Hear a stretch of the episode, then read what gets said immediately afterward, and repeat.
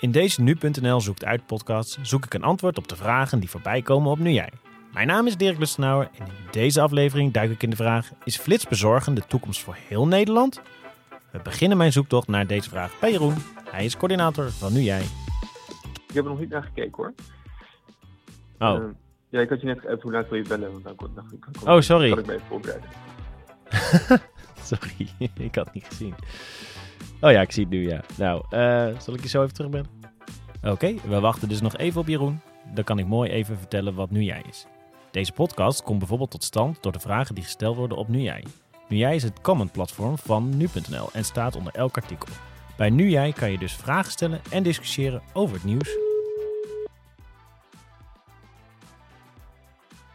Met Jeroen. Dag Jeroen, met eh, Dirk weer. Hallo. Hallo. Ben je er klaar voor?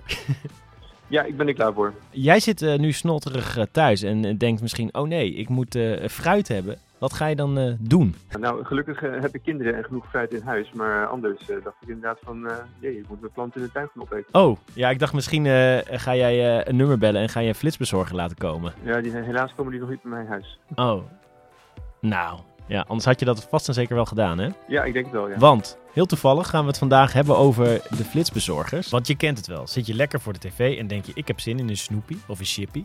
Dan pak je de flitsbezorger-app en binnen 10 minuten staat hij bij jou voor de deur met je Snoopy en je Chippy. Kan jij wat vertellen hoe dit eh, nieuws leefde bij de Nieuwjaarsers? Ja, zeker. Eh, Het nieuws was natuurlijk dat ze eh, de flitsbezorger een klein hapje namen uit de omzet van de supermarkten.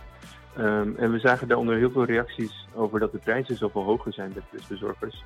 Ehm, dat het alleen maar luxe producten zijn, dat je net zo makkelijk zelf even naar de winkel kan. En dat je gewoon beter moet plannen.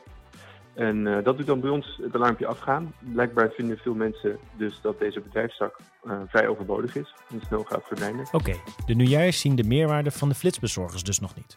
Maar toch groeit het marktaandeel van deze tak. Laten we gaan kijken wie ons meer kan vertellen over de groei van deze flitsbezorgers. Te beginnen bij chef economie van nu.nl, Thomas. Met Thomas. Hallo Thomas, je spreekt met eh, Dirk, Dirk Lusnauer. Eh, vorige week hadden wij elkaar ook al even aan de lijn. Toen had ik jou ook nodig, want ik ben bezig met de podcast ehm, eh, van Nu Jij. Waarbij wij Ja. iedere ja, week een vraag oplossen. En vandaag Ja. hebben wij het over de, de flitsbezorgers. Oh, En ja. of, dat een toekomst heeft in Ik Nederland. heb wel een paar mensen die hierover hebben ehm, geschreven op de economieredactie. Ik weet alleen even niet wie de beste is en ik moet nu de auto in. Ehm, maar ik weet dat Ruben van Lent, die de vorige keer bij jullie eh, op de podcast was, die eh, is aan het werk.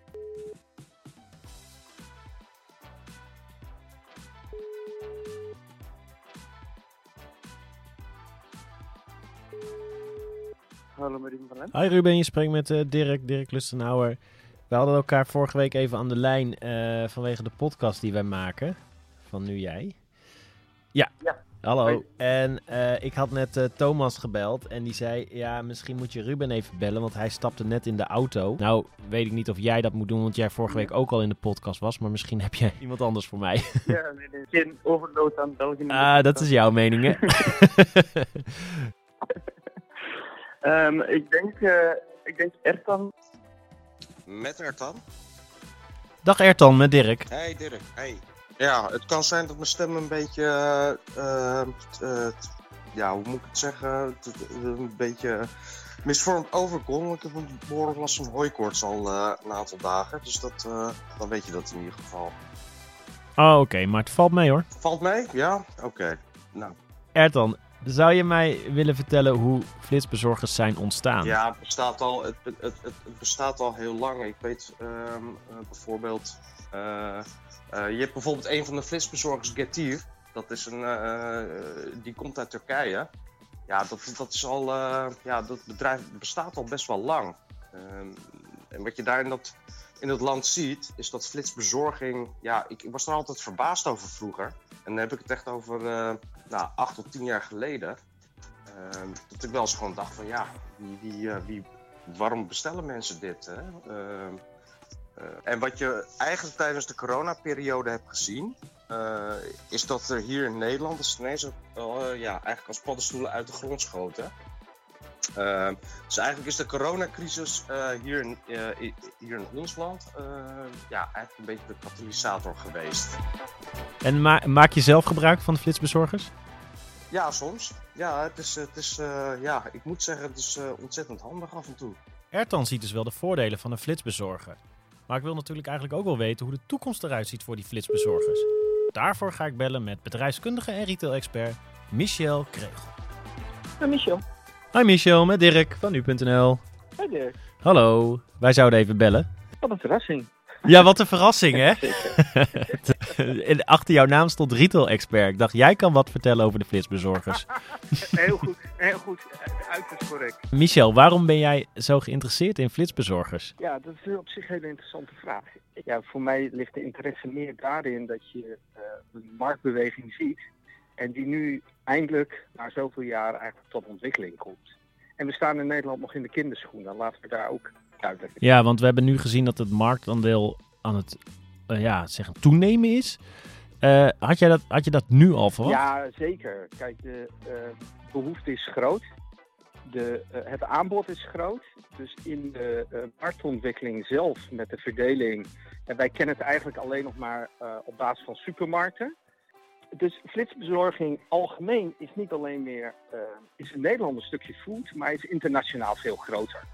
En het leuke daarvan is, is dat er in Nederland nog volop kansen zijn, ook voor andere branches, die daar gebruik van kunnen maken. En daar bedoel je mee andere branches dan supermarkten? Ja, als je kijkt, eh, eh, ehm, bijvoorbeeld kleding, textiel, ehm, eh, non-food artikelen die ook met flitsbezorging bezorgd kunnen worden. Ehm, daarbij is de scope nog enorm. En eh, om je een voorbeeldje te geven, een aantal jaren geleden eh, zat ik in Dubai voor een lezing. En ik was voor de zoveelste keer mijn pak vergeten in te pakken. Ehm, en je kunt daar gewoon per flitsbezorger een pak laten bezorgen. Binnen 20 minuten zit jij netjes in je pak met je overhemdje en je stropdas. En ben je binnen 20 minuten klaar om die lezing te geven. Dat zijn dingen die in Nederland eigenlijk nog bijna, eh, nou bijna niet worden aangeboden. Nee, dat klinkt ook wel eh, bijna eh, futuristisch inderdaad. Maar dat is het dus niet. Nee, en sterker nog, de ontwikkeling van flitsbezorging en in Nederland zie je nu in de grote steden dat de, nou ja, de, de bekende flitsbezorgers inmiddels terrein gewonnen hebben. Daarbuiten ehm, plaatsen die minder rendabel zijn, die vragen eigenlijk om een andere vorm van flitsbezorging. En daar zijn ook nog heel veel varianten in die in Nederland helemaal niet beschikbaar zijn. Ah, oké. En jij hebt het over andere vormen. Als ik een flitsbezorger zie, zie ik nog steeds een jongen of meid op een fiets. Ja. ja, dat is altijd be- de, de betere variant. Hè? Niet die scooter die vervuilend is, maar of fiets of elektrisch. Dat is in ieder geval al punt. En zijn, maar zijn er nog meer varianten? Eh, kan, ja, misschien zeg ik iets wat geks. Drones of zo? Ja, nee, je zegt helemaal niets geks. Dat is... Kijk, als je kijkt naar de grote steden in Nederland, daar zijn drones lastig. Eh, nummer 1 is de wetgeving daar niet op eh, ingesteld. En nummer 2 is het, het, landen van de drone op een redelijk klein balkonnetje ehm, op een flatje eh, wat lastiger. Maar je kunt drones wel goed inzetten op het platteland of daar waar Ja. meer ruimte is. En als we nu zeg maar vijf jaar verder zijn, hoe zie jij de flitsbezorger dan? Ja, dan is het. Kijk, de, de flitsbezorging nu bestaat uit zeg maar even vier grote partijen. Een paar kleine die op dit moment proberen markt te veroveren. En je ziet de grote supermarkten die samenwerkingsverbanden aanknopen. Over vijf jaar verwacht ik dat de, ehm, van die partijen zijn nog een paar partijen overgebleven die echt commercieel rendabel zijn. Die zullen ook veel meer voldoen aan de eisen van de maatschappij. Dat worden nette organisaties die de boel goed georganiseerd hebben, ook logistiek. En daarbij, de, de flitsbezorging nu heeft ook heel veel ongezonde producten die ze aanbieden. Ook daar in het assortiment zal nog een slag gemaakt worden. naar ook gewoon gezonde ehm, eh, eh, producten die je via de flitsbezorger kunt laten bezorgen. Is er nu ook al wel, maar is heel klein. De conclusie. Flitsbezorgers bestaan al heel lang en corona heeft voor de doorbraak gezorgd in Nederland. Flitsbezorgers blijven bestaan. En in de toekomst worden het nette, goed georganiseerde organisaties met ook veel meer gezonde producten. Voorlopig alleen nog wel voor de grote steden. Maar er liggen volop kansen om door te groeien, bijvoorbeeld door middel van drones, om ook plaatsen buiten de grote steden te bereiken. Hopelijk vond jij het net zo leuk luisteren als ik het maken van deze podcast. Deze podcast verschijnt wekelijks, dus als je het leuk vond, abonneer dan even in je favoriete podcast-app of beluister hem via nu.nl.